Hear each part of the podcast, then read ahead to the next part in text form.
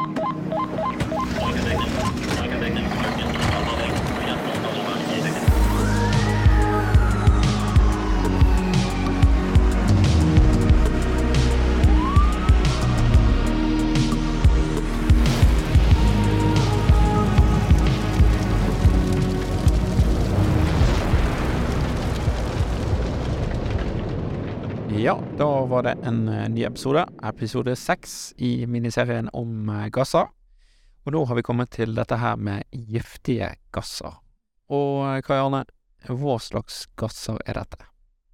Ja, giftige gasser er jo gasser som, eh, som først og fremst virker eh, på åndedrettsmekanismen vår, eh, men også kan liksom angripe gjennom hud og, og, og, og øyne, da. Ja. Eh, og, som da virker på kroppen med en eller annen form for forgiftning. Hva type gasser har vi som vi kan møte som er giftige? Ja, jeg- jeg tenker at eh, sånn, sånn generelt da innafor industrien, ikke sant, så hvis vi tar noen av de litt sjeldne som jeg kommer på, da, så liksom svoveldioksid, hydrogensulfid, hydrogenklorid Altså, det er gasser som man som brannmann har liten sjanse for å møte på. Det er liksom veldig sånn for ja, en eller annen spesiell prosessbedrift, eller at det er, eh, eller at det er på laboratorier og forskningsinstitusjoner og den type ting. Og da er det ofte også veldig på små beholdere, og det er, det er mye sikkerhet rundt det. Mens det som er vanlig, det er jo, det er jo da ammoniakk. Ammoniakk Ammoniakk. er jo en veldig vanlig giftgass, ikke sant? Og, Ja. og det andre er jo eh, Ikke at den er så vanlig heller, men altså jeg tenker på den som kan være lurt å si noe ekstra om, så det er karbonmonoksid. Ja, Karbonmonoksid og ammoniakk tenker jeg er, kan være viktig å be belyse litt ekstra. ja, kanskje vi skal gjøre det. Hvis vi begynner med ammoniakk, hva brukes dette til, og hva er det? Ammoniakk eh, er jo da eh, en, en gass som sånn egenskapsmessig ser veldig lik ut som, som propan. Den er i væskefase inne på en beholder. Han eh, har et damptrykk omtrent som propan, 7-8 bar, eh, og, og, og har en tetthet som, eh, som eh, Altså, han er i væskefase når han lekker ut, men så, så blir han jo litt lettere når, enn luft når han lekker ut, da. Men Eh, bruksområdet, vet du, det er jo, det er jo veldig mye som, som, som kjølemedie i, i uh, ulike typer aircondition-anlegg, kjøleanlegg ute på fryserier og, og sånn eh, kjøttproduksjon og den type ting. Eh, det brukes også faktisk innafor eh, industrien til til sånn herding, lite grann, og, og brukes også noen sånne spesielle sveiseoperasjoner. Så det er et stort bruksområde, eller ste mange steder du kan finne det, egentlig. Ja, men jeg tenker sånn, tenker litt høyt, så hovedsakelig innafor altså det som er kjøle, kulde- og kjølemontører og den type industri, altså. Og det er vel egentlig det jeg kommer på opp gjennom historien når det har vært ammoniakk på avveie òg, Mm. så er det veldig ofte i forhold til kjøleanlegg ved, ved en bedrift. Hva er det som er farlig med dette? Altså, hva kan gå gale? Det som er med, det med ammoniakken, er jo at den, eh, den Hvis du får pusta denne i deg, da, så er det jo først og fremst det at han fremkaller kjemisk eh, lungebetennelse. Mm. Og, og dette er jo ting som kan oppstå ganske lenge etter at du har pusta det inn. Mm. Så at hvis du, hvis du har liksom pasienter du har vært på et skadested, og folk har pusta inn ammoniakk, så er det veldig viktig å, å, og få, dem til, eh, få dem til lege, og at de observeres i hvert fall 24 timer, kanskje 48 timer. Er Se at, ikke det, at det liksom utvikles kjemisk lungebetennelse etter hvert. Det gjelder andre giftige gasser også, egentlig, sånn nitrøse gasser og, og sånne ting. Um, ellers er det det selvfølgelig at han virker etsende på hud, da. Hud og, og virker den veien, og, og, og, og på øyne. Og det er jo heller ikke noe hyggelig, selvfølgelig, da. Men, men hovedfaren er det at du, du puster dette i deg, og du kan si at ved 10 000 ppm, altså ppm, det er, det vi, det er jo parts per million, ikke sant, det er jo små deler, da. Men 10 000 ppm, det er det samme som 1 Mm. Og, og da, da er ammoniakk dødelig ved et åndedrag. Oi. Så, så for, for folk som jobber med dette her, og så liksom, hvis du skulle liksom få et stort utslipp og du ikke kommer unna, da, så er det jo veldig, veldig farlig. Og, og den er ikke synlig som gass før ved 4 Da kan du liksom se ammoniakkskya litt inne i, i lokalet, eller hvor, det er, hvor dette skulle lekke, da, ute og sånn, men før det så ser du det ikke. Ikke farger er? Nei, det, det blir bare som en sånn, sånn gulhvit sky, ja. Gulhvit sky? Ja. Men, men, men eh, jeg tenker at eh, det som er fint med ammoniakk, Mm. det er for folk flest, da, det er jo at hvis han lekker, så gir den et veldig tidlig varsel, for at du, den lukter jo så karakteristisk at du rømmer unna lenge før det blir farlig for deg. Med mindre du får en sånn brå, kraftig eksponering, så, så rømmer du unna sikrere områder før det blir veldig farlig for deg. Så når det er gjort, da, hvis det er en større lekkasje, og så ringer man brannvesenet da, så kommer, så kommer man fra 110 da, og skal gjøre en innsats mot ammoniakk. Da, da er det jo å dele opp, da, i, i livreddende og skadebegrensende. Og, og livreddende innsats mot ammoniakk, det kan man gjøre med vanlig PBI Mm. og, og friskluftsapparat. Det, det, det går veldig, veldig fint. Men det er klart, skal du være en lengre periode inne i, i en ammoniakksky og jobbe, så, så bør du jo ha på deg en, en, en kjemdrakt, kanskje.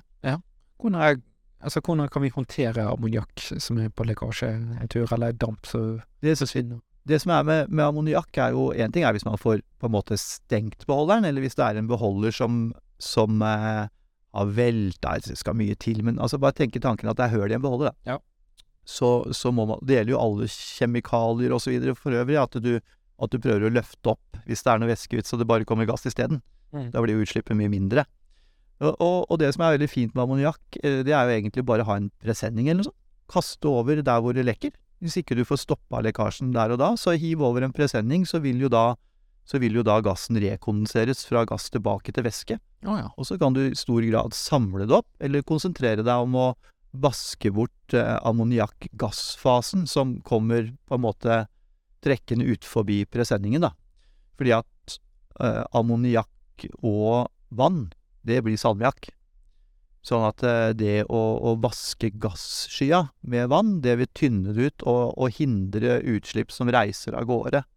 Så det er veldig bra, men det er veldig viktig å, huske på at man ikke har vann i væskefaseammoniakk, da. For det væskefase ammoniakken som ligger på bakken, den er jo, vi er det, 33 minus eller noe sånt.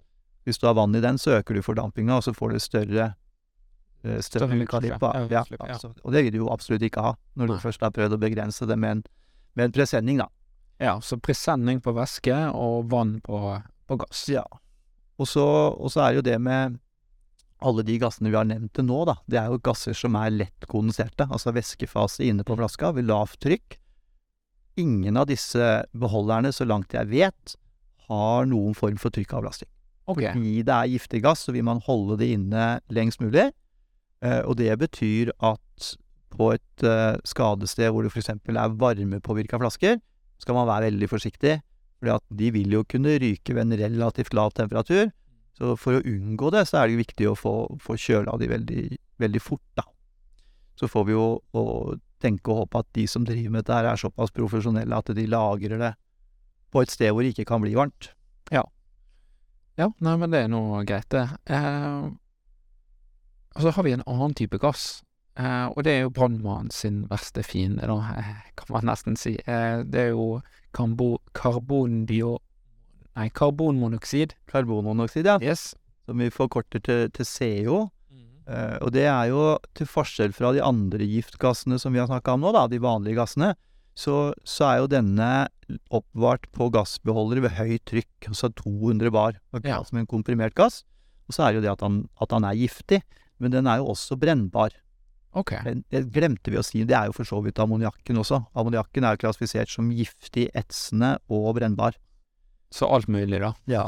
Også eksplosiv. Så trenger man ikke å være så redd for ammoniakk og antennelse utendørs. Nei. Men en ammoniakklekkasje innendørs, så skal man absolutt ha respekt for brennbarhetsområdet til eh, ammoniakk, og at det kan tenne med en, en normal tennkilde, da. Føles ut som all gass som er innendørs, er bare trøbbel. Eh, I hvert fall i mye større grad enn om det er utendørs. Det er ikke noe, det er ikke noe tvil om det. Og det er derfor vi liker å si fra, fra liksom bransjeforeningen og sånn at eh, bruk helsveisa rør. syrefaste, stort sett på alt, så, så vil du aldri få lekkasje, ikke sant. Du har gode gasstette koblinger, og der hvor man ser hendelser, så er det jo fordi at noen som kanskje tror at de vet hva de har holdt på med, da, ikke sant. Det at de har brukt eh, pneumatiske ventiler, ventiler for vann, altså den type ting, på et gassanlegg, som har jo ingenting der å, å gjøre. Så det er, det, er, det er da det skjer hendelser, ikke når anleggene bygges på forskriftsmessig måte og etter, etter norm, da. Ja. Så jo, vi var på CO. Ja, CO. CO. Og da, da er jo da at den er jo giftig og brennbar. Ja. Uh, og, og det er jo, som du sa, brannmannens verste fiende. Og det er jo fordi at når du er på et brannsted med branngasser, så er jo det du er redd for der, er jo egentlig det at CO er brennbar. Så fra øh, Hvordan er dette da? Fra ca. 12,5% og opp til 74% Det er brennbarhetsområdet til CO. Så det er et ganske stort brennbarhetsområde. 12,5 til 74% Nedre og øvre brennbarhetsgrense. Og det er jo derfor jeg sier at liksom normalt sett i branngasser, da, så er jo CO-innholdet mellom 30 og 60% av branngassene. Og det er da, derfor at det branngassene er så lett antennbare i hovedsak da, på grunn av den CO-en. Å ja, ok. Så, så, så kan du si det er par ting til. Det er jo da hvis, hvis folk puster i seg denne CO-gassen, da, på grunn av eh, lekkasje, så, så er det jo sånn, veldig enkelt fortalt, da, litt sånn billedlig, det CO gjør, den virker jo ikke gjennom huden eller øynene eller sånn, den virker gjennom pusten. Den fremkaller ikke noe kjemisk lungebetennelse eller noe sånt, men den, den Altså når du puster den ned i lungene og ned i alveolene og blodbanen og sånn, ikke sant, så, så liksom når det kommer dette her hemoglobinet kommer susende inn eh, nede i, liksom i lungene der, da, så, så, så er det akkurat som en taxi som åpner fire dører, og, og så står liksom oksygenmolekylene på holdeplassen og skal inn, ikke sant? Mm. Og så skal oksygenet da ut til cellene og, og produsere energi, og så at eh, muskler virker og vi har det bra, ikke sant? Men det CO-en gjør da, når du puster inn CO-en, så på den holdeplassen så er den egentlig skikkelig bøllete, så han kødder det til med alle de oksygenmolekylene, og tar plassen hans. Binder seg mye lettere til hemoglobinet, og, og hindrer oksygenopptaket. Så når den taxien liksom kommer fram ut i kroppen og til, til eh, cellene og sånn, så, så blir det ikke noe energiproduksjon. Og så blir musklene sure, da. Og når muskelen blir sur, så, så lages det melkesyre. Så, og, og alle veit jo det, at som har prøvd å få løpe etter bussen og ikke rekke den, du blir ganske stiv i muskulaturen. Og det er det som i hovedsak skjer når du puster CO, da. At, eh, at muskulaturen blir sur. Og hjertet er jo en muskel, ikke sant. Og når den blir sur nok og, og stivner, da, så får du hjertestans. Mm. Så det er liksom hovedutfordringa sånn giftighetsmessig med CO. Så i tillegg så er det en veldig komplisert greie som ikke jeg skal prøve å begi meg ut på, men som også kan gjøre at du kan få noe hjerneskader, da. Mm. Så det er jo sånn typisk for brukeren, eller noe som puster inn dette her, ikke sant. Ja, folk som blir redde av at det, de har fått i seg for mye røyk og er CO som Ja, og da er jo vår jobb som redningsmannskaper, ikke sant, å, å få tak i det her med en gang, få vedkommende ut, og så få gitt oksygen. Så at oksygen den er liksom med på liksom å halvere den, eller redusere halveringstida veldig mye, da.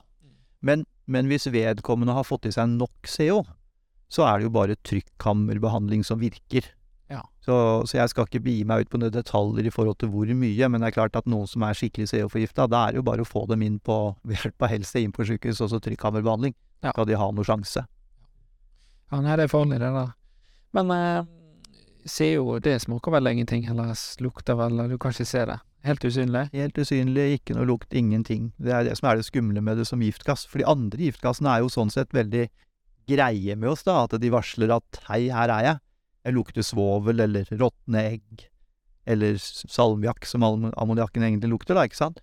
Men, men, men CO-en gir ingen, ingen forvarsel. Hvordan skal vi håndtere dette med CO, da? Nei, altså det, det er igjen så er jo liksom bruksområdene ganske snevre hos veldig profesjonelle kunder, så det er jo ikke noe du Det er ikke noe du bare oppdager sånn på et skadested som jeg kan komme på sånn veldig, veldig lett. Og det er jo noen laboratorier og sånn som har dette her, og da er jo det veldig Eller alle de tilfellene jeg kan komme på, så er dette her i veldig profesjonelle, gode sentraler med rustfrie rør og, og med med liksom helsveisa rør, og det er koblinger, og det er CO-alarmer, og det er automatisk avstenging og alt sånn. Jeg tenker at det er det også som brannmann opplever å komme ut på det, det er nok ikke så lett.